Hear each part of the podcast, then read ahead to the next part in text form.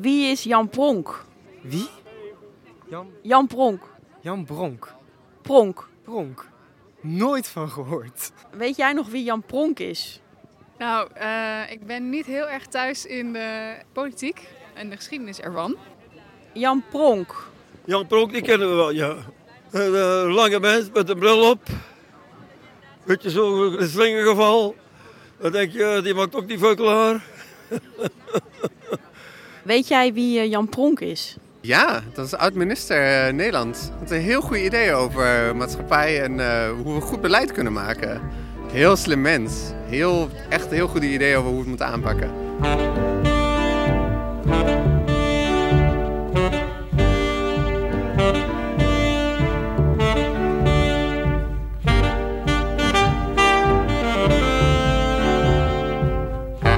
Ik ben Anouk Nuyens en u luistert naar Pronk. Een podcast waarin ik met oud-politicus Jan Pronk op zoek ga naar een verhaal dat we al een tijd verloren zijn. Een verhaal dat nog niet zo lang geleden miljoenen mensen het gevoel gaf dat de wereld echt beter zou worden.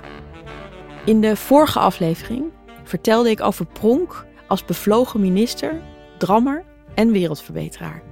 We spraken over principes in de politiek, de verdwenen sociaaldemocratie en waarom zijn afscheid van de PvdA na 50 jaar onvermijdelijk werd. In deze tweede aflevering struin ik samen met Pronk door zijn gigantische archief waarin alles met alles verbonden is. Net als in de sociaaldemocratie.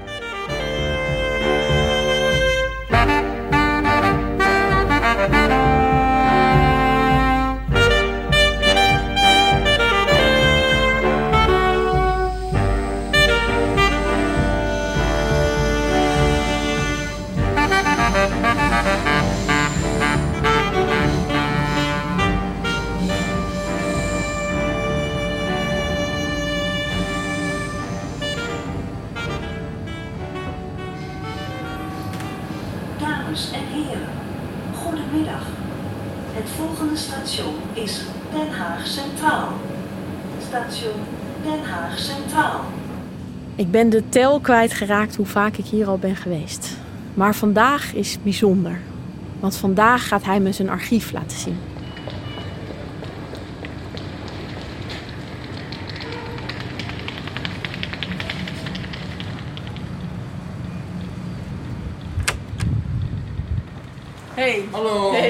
Welkom. Dankjewel.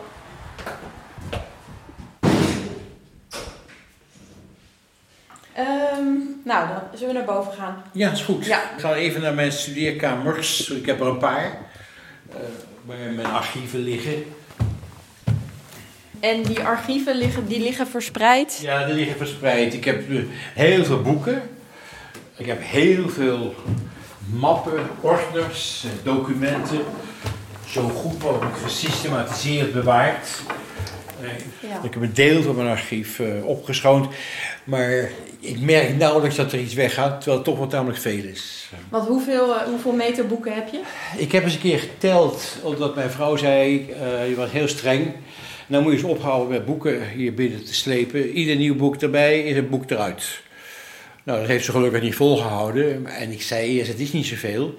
Maar toen ben ik gaan meten en daar schrok ik heel erg van zelf. Het is een groot huis met veel veel kamers en heel veel kasten. Ik heb 210 meter boeken.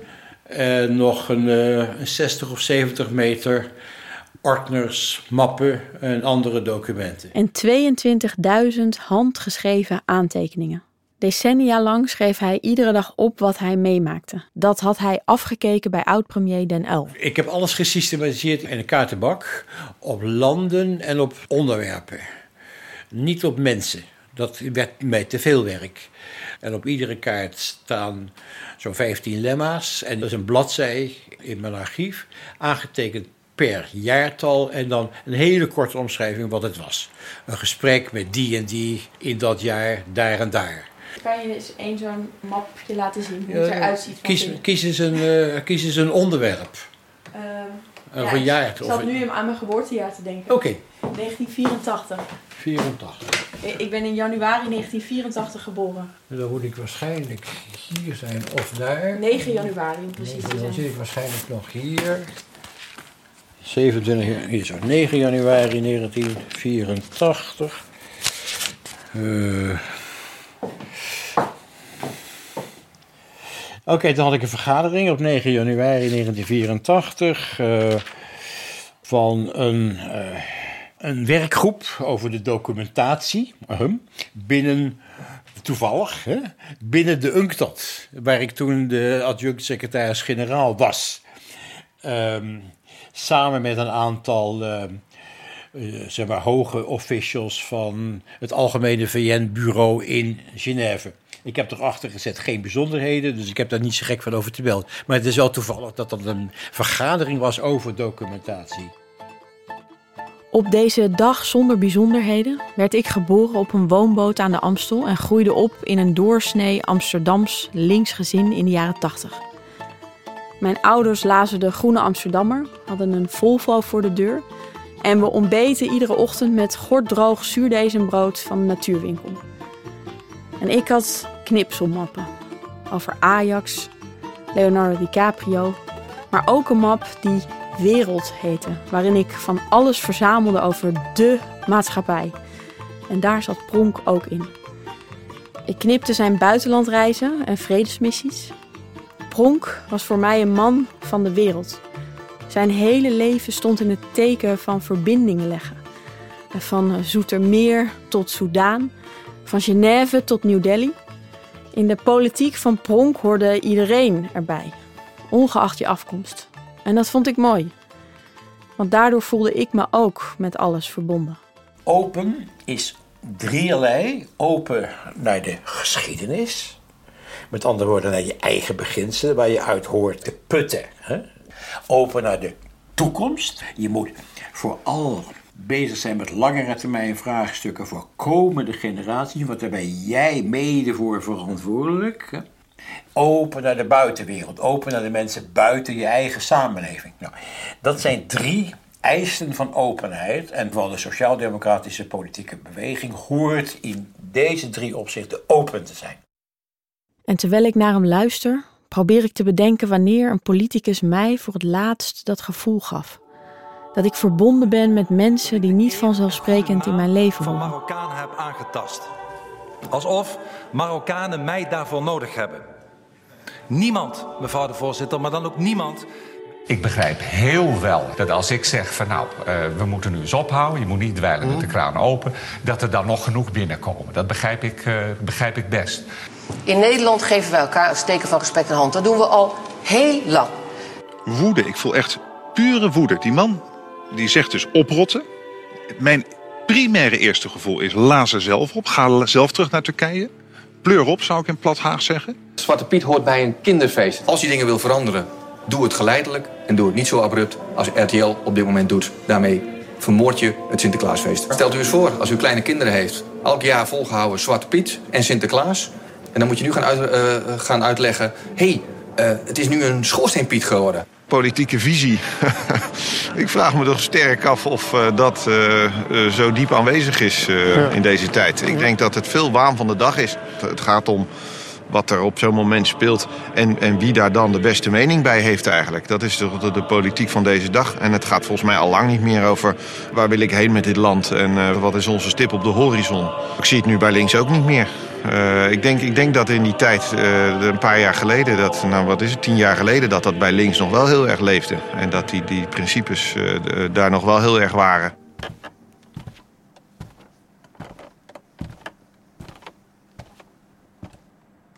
Het is hier doodstil. De stapels papier houden ieder geluid buiten. Ik sta in een archief waar nauwelijks nog iemand komt. Behalve dan de archivaris die alles met een uitzonderlijke precisie heeft opgeslagen. Waar moet ik beginnen? Ik bekijk de ruggen.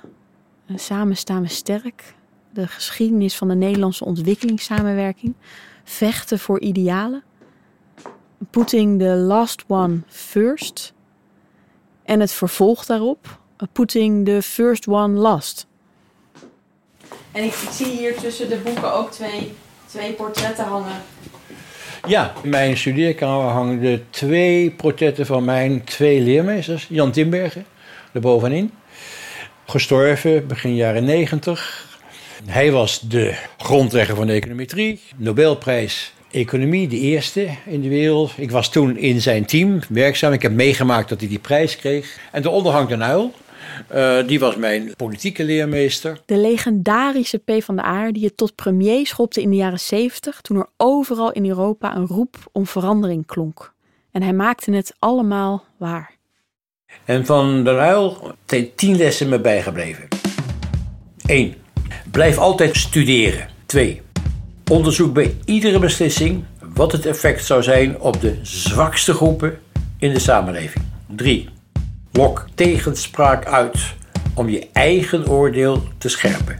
4. Maak politieke tegenstellingen niet groter dan ze zijn, maar verdoezel ze evenmin. 5. Probeer een crisis niet op te lossen door een schuldige aan te wijzen. 6.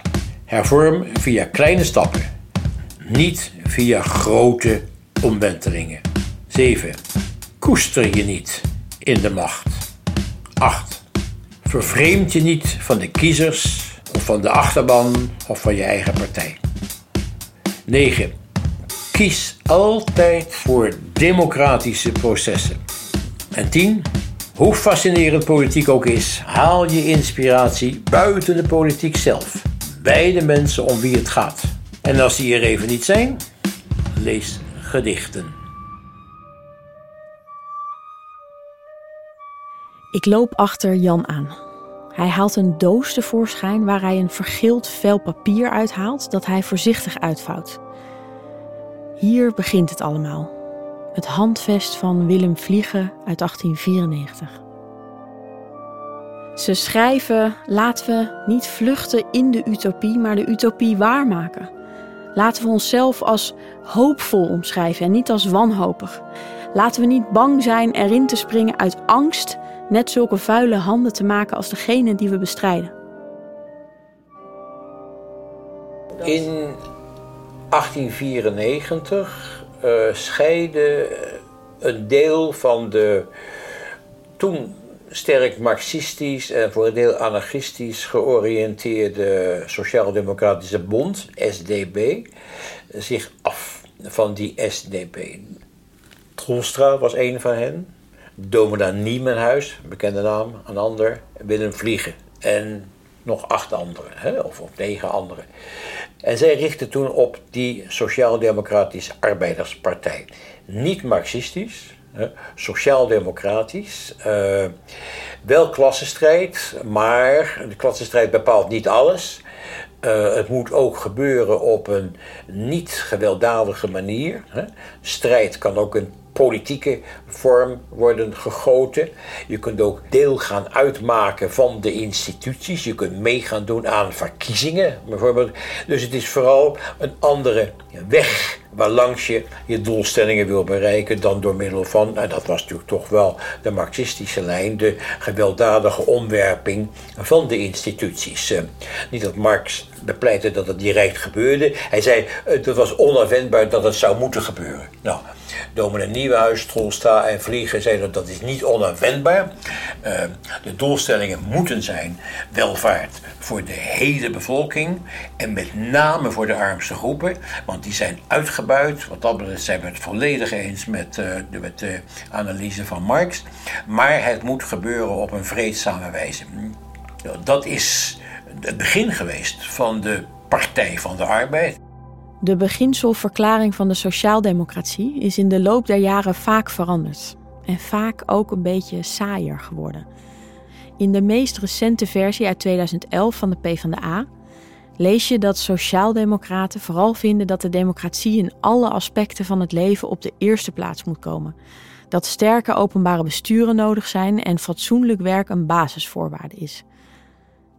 Niet echt aanstekelijke zinnen, als je het mij vraagt.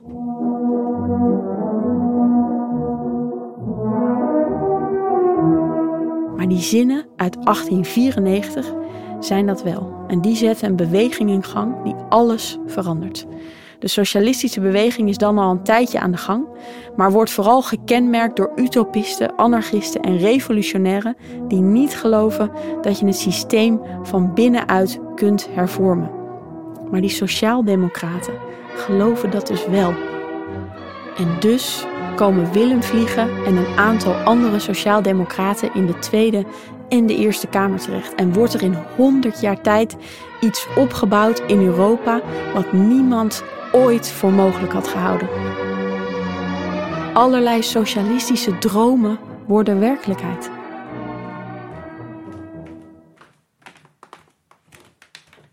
Dan lopen we naar de volgende kamer. Het is een klein kamertje zonder ramen. Het ruikt hier een beetje muf.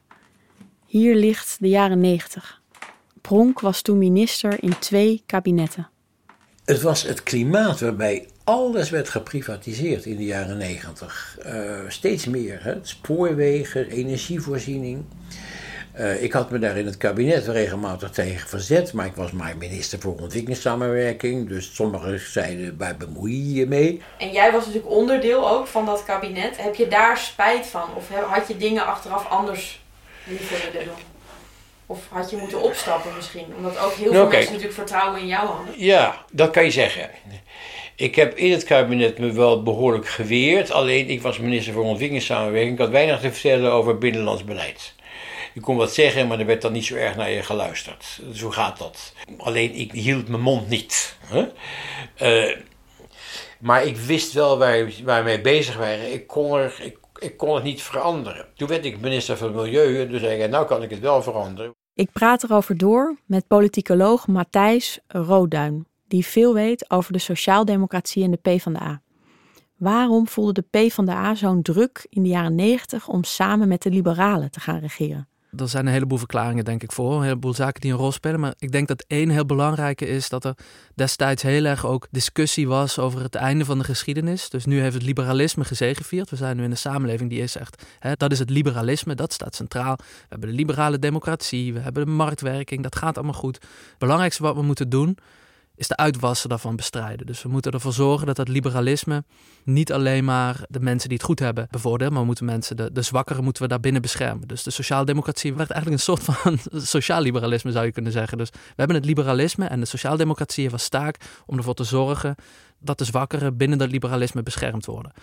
Ik denk dat dat ertoe geleid heeft dat een heleboel mensen zich niet meer herkenden eigenlijk in het sociaal-democratische verhaal, omdat dat heel dicht kwam te staan bij het verhaal dat liberale partijen uh, verkondigden. En een verhaal waar heel veel mensen zich niet bij thuis voelden. En ik denk dat door die druk eigenlijk, door het idee van dit is waar we nu staan met onze samenleving, hier zijn we, het liberalisme heeft gezegevierd. Dus dat liberalisme moeten we omarmen en binnen die status quo, zeg maar, moeten we proberen om onze sociaal-democratische waarden naar boven te brengen. Soms slaagt de pronk erin om, ondanks de tegenwind, op onderwerpen waar hij verantwoordelijk voor was sociaal-democratische waarden te verdedigen. Als minister van Milieu bleek ik ook verantwoordelijk te zijn voor de drinkwatervoorziening in Nederland. Uh, wist ik niet. Eerlijk gezegd, ik dacht dat het onder verkeer, waterstaat of economische zaken viel, maar het bleek ook onder milieu te vallen. Dat ik dat niet wist, betekende dat het helemaal geen politieke issue was geweest in de jaren negentig toen ik in die kabinetten zat. Soms komen dingen helemaal niet naar voren in een kabinet omdat er geen problemen zijn. Maar bleek in 98 toch ineens een probleem te zijn uh, door een, een, een, uh, een, milieuvraagstuk uh, dat zich voordeed op dat terrein. Tegelijkertijd kwam er een sterke drang naar voren om die drinkwatervoorziening, die in handen was van publieke instellingen, van gemeenten, te gaan privatiseren.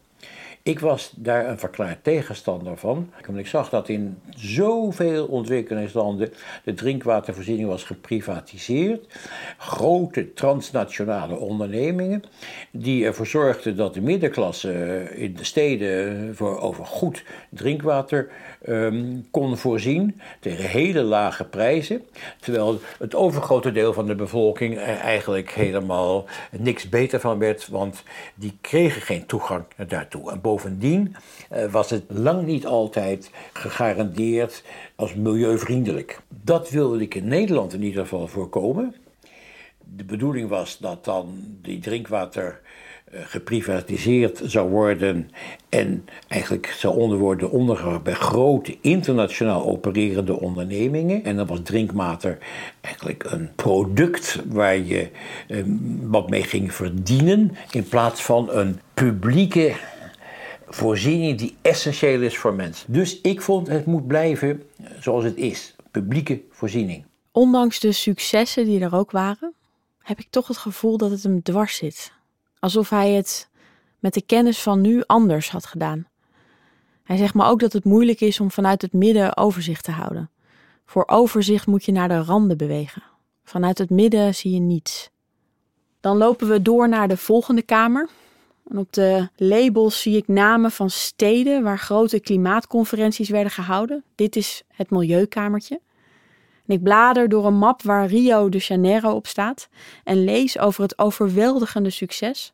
180 landen committeerden zich in 1992 juridisch aan wereldwijde klimaatdoelen. Alsof het de normaalste zaak van de wereld was. Kan je beschrijven zeg maar, hoe je dat dan doet?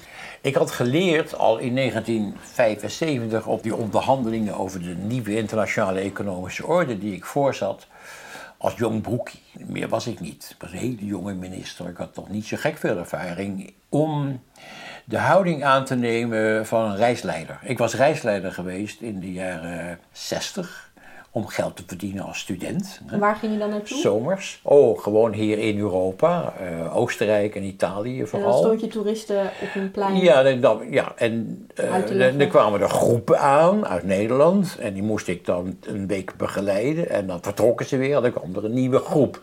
Wel, wat was mijn beleidslijn?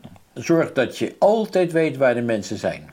Dus sta als eerste op en ga als laatste naar bed. Wel, ik vond dat eigenlijk wel een goede maatstaf voor de manier waarop je met een grote groep omgaat. En ik moest dus weten tijdens die onderhandelingen wie met wie praatte. Want dat gebeurde natuurlijk heel vaak uh, achter. Hoe, hoe, vroeg is dan, uh, wie, hoe laat sta je als eerste op? Nou ja, bij die internationale onderhandelingen stond je gewoon al, zorgde je dat je als eerste ergens was. Kijk, die onderhandelingen beginnen natuurlijk niet zo raar vroeg, maar dan hebben ze allemaal hun voorvergaderingen als groep. Het gaat erom dat je weet waar iedereen is, wie met wie spreekt. Um, zodat je ook uh, daarvan op de hoogte bent. Uh, niet voor verrassingen komt te staan. Het, ja, het is gewoon techniek wat en dan dat die betreft. tussen de en ze moeten je vertrouwen.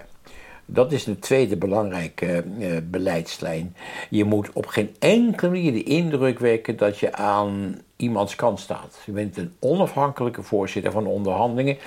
Uh, je wil het hele proces naar een resultaat leiden. Dus je moet afstand nemen van je eigen opvattingen. Van je eigen belangen. En het leidde wel tot resultaat. Maar die resultaten waren natuurlijk vaak wat magerder dan bijvoorbeeld actiegroepen hadden gewild. Maar ja, je gaat weer verder. Want dat is het compromis. Het is eigen aan het compromis. Het is geen doodlopende straat. En dan kom je bijvoorbeeld uit bij het voorzorgsbeginsel. Voorzorgsbeginsel is het beginsel dat je rekening houdt met een slechte uitkomst van een proces, ook al staat lang niet zeker, wetenschappelijk overeind, dat die uitkomst zich ook werkelijk zal voordoen. Voorbeeldje, in de jaren 60, roken is slecht voor de gezondheid. Nee, zeiden de tabaksfabrikant, helemaal niet bewezen. De Nederlandse regering destijds, het was Kals geloof ik als premier, zei: Het is inderdaad niet bewezen, maar de kans is aanzienlijk dat roken slecht is voor de gezondheid. Dus starten we met een beleidsactie om mensen daarop te wijzen, te waarschuwen tegen roken. En gaan we misschien ook wel een paar maatregelen nemen, de prijs van de pakjes sigaretten verhogen en dergelijke. Je houdt rekening met de grote waarschijnlijkheid dat iets zich voordoet, ook als het nog niet zeker is. Dat is jouw verantwoordelijkheid als beleidsmaker. Ja. 30 jaar later kan je hetzelfde zeggen met betrekking tot klimaat. Het stond in de jaren 90 nog helemaal niet vast. Echt. Het werd ook bestreden, ook door wetenschappers. Dat klimaatverslechtering in belangrijke mate mede het gevolg was van menselijk handelen. Het werd bestreden, maar het was hoogstwaarschijnlijk dat het inderdaad zich zo afspeelde. En dus is aan de hand van het voorzorgsbeginsel door die regeringen gezegd: we gaan het verminderen. We beloven het te verminderen. En we zijn zelfs bereid om ons juridisch te verplichten om het te verminderen. Op basis van dat voorzorgsbeginsel. In Rio de Janeiro. Toen werd er een klimaatverdrag gesloten. Maar in dat verdrag stond eigenlijk niet veel meer dan dat alle landen beloofden hun best te doen om de uitstoot van broeikasgassen om die terug te brengen. Maar dat was alleen maar je best doen. Dus een aantal jaren later werd door diezelfde landen allemaal gezegd: uh, eigenlijk vertrouwen we onszelf niet zo heel erg. We moeten iets doen dat ons juridisch verplicht. Dat werd dat Kyoto-protocol. Toen werd afgesproken dat de landen zich zouden verplichten om hun uitstoten met een bepaald percentage terug te brengen. Dat was een grote stap vooruit. Maar dan moet het worden waargemaakt doordat er een, juridische bindende tekst van wordt gemaakt. Daar gingen de onderhandelingen over die ik mocht leiden. En dat heeft geresulteerd in een verdrag. Als hij dat woord uitspreekt, hoor ik ineens hoe mooi het is. Voorzorg. Geen nazorg, geen mosterd na de maaltijd, maar voorzorg. Alvast zorgen dat het straks niet misgaat. En ik realiseer me ineens hoe vaak onze gesprekken gaan over taal. Ja, kijk, beleid en politiek is denken, het is spreken, het is woorden, het is gedachten. En in woorden ligt heel veel en vaak verhullen woorden wat. Soms zijn woorden ook oproepen. Ik geef een voorbeeld. Ontwikkelen. Wat is dat precies? Het is, een, het is een woord waarvan iedereen zegt langzamerhand dat is toch iets van het verleden. Maar ontwikkelen, dat betekent dat je de wikkel ergens van afhaalt en de kern eruit ligt. En als bijvoorbeeld de wikkel voor een ontwikkelingsproces in ontwikkelingslanden is de, het, het klimaat opgelegd. Of de internationale geopolitieke verhoudingen die hen in een bepaald keurslijf hebben uh, gebracht. Als je dat eraf neemt, dan ontstaat er bevrijding. Dan kunnen de mensen zelf hun eigen proces gaan bepalen. En dus is ontwikkelingsproces een bevrijdingsproces. Als je met Jan Pronk spreekt, word je vaak herinnerd aan woorden die je al lang was vergeten of die uit de gratie zijn geraakt omdat niemand meer echt weet wat ze betekenen. Herverdeling, internationale solidariteit, verheffing, onderklasse, middenklasse. Bij elk woord legt hij me precies uit wat het betekent. En zo leert hij me dat als je goed luistert, je in veel woorden een verborgen boodschap kan ontdekken. Verenigde Naties, dat is een instelling, de Verenigde Naties. Nee, zeggen mensen, de naties zijn niet verenigd. Nou, hebben ze misschien een beetje gelijk in. Maar het is een oproep. Verenigde Naties. Opdat we de waarden waarover een consensus hebben gecreëerd ook echt kunnen waarmaken. Mensenrechten, moet je die afschaffen omdat de rechten van de mens worden geschonden? Nee. Mensenrechten is een waarde en een oproep om de rechten van mensen overeind te houden en om die te beschermen. In taal zit heel veel. We gaan verder naar de volgende kamer. En daarachter is er dan weer een kamer. En nog een kast en nog meer mappen. Zou dit de voor- of de achterkant van het huis zijn? En er zijn er nog meer deurtjes en daar zitten waarschijnlijk nog meer boeken achter. Ja, nou, dat zijn vooral uh, ordners, uh, documenten en mappen, allemaal in mappen. Maar ik moet het allemaal zien, zegt hij omdat het allemaal met elkaar verbonden is. De jaren 90 met de jaren 70, het Milieukamertje met het Afrika-archief. De sociaaldemocratie, legt hij me uit, is opgebouwd vanuit de overtuiging dat alles met alles verbonden is. Dus de oplossing voor klimaatverandering ligt misschien niet uitsluitend in klimaatmaatregelen, maar misschien wel door meisjes overal ter wereld naar school te sturen of door te werken aan vertrouwen in de samenleving, waardoor rechtspopulistische klimaatontkenners een halt wordt toegeroepen.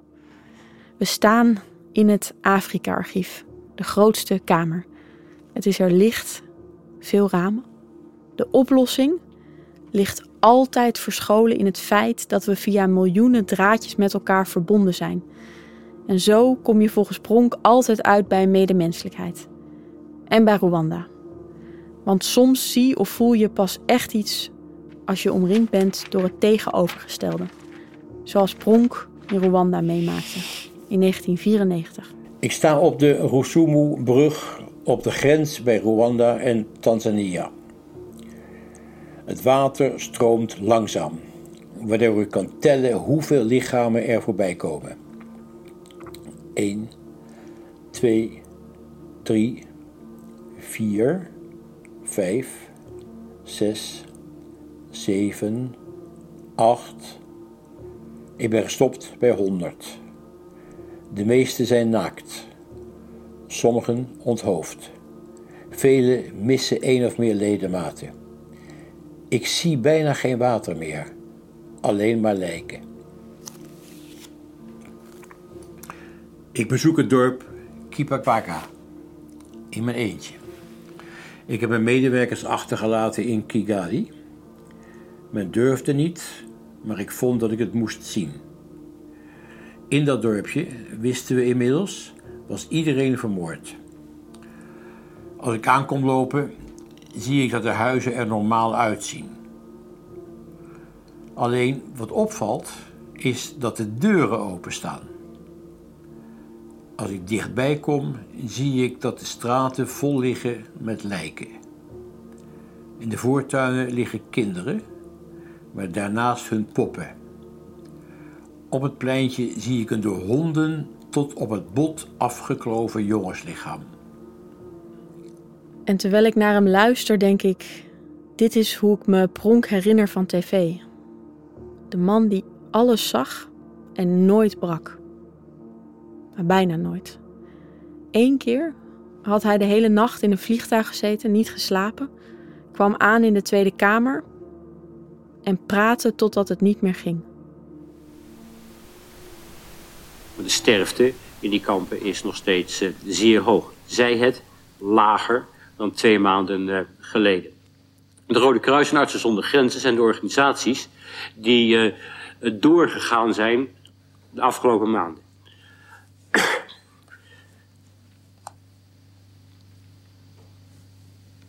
Met veel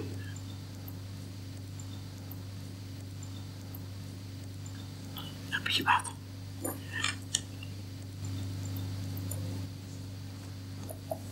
Zo zien. Ik schors de vergadering voor enig ogenblik.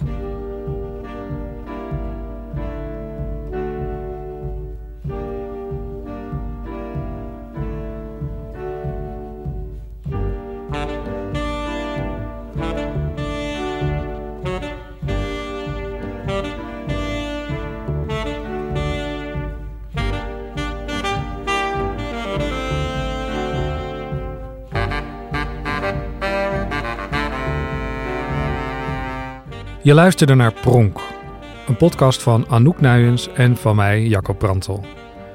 Eindredactie Anna Vossers en Maite Vermeulen. Redactie en factcheck Riffy Bol. En het ontwerp is van Luca van Diepen. Heb je met plezier geluisterd en ben je nog geen lid van de correspondent? Word dat dan. Ga naar decorrespondent.nl slash wordlid. Als lid kan je op het platform verder in gesprek gaan met elkaar en met ons over dit onderwerp en de podcast. Volgende week op Prinsjesdag, bij de laatste aflevering van Pronk, zal Jan Pronk zelf ook deelnemen aan dit gesprek. Nog een reden om lid te worden dus.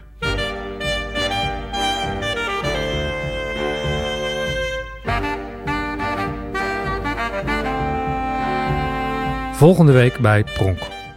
Je zei ook van ja, jij hebt nog nooit een, een burn-out gehad. Maar ja, dat bestond natuurlijk nog niet echt in jouw tijd, toch? Een burn-out. In de jaren zeventig gingen onze huwelijken kapot. Maar dat is bij jou niet gebeurd. Bijna. In de jaren zeventig gingen mensen drinken.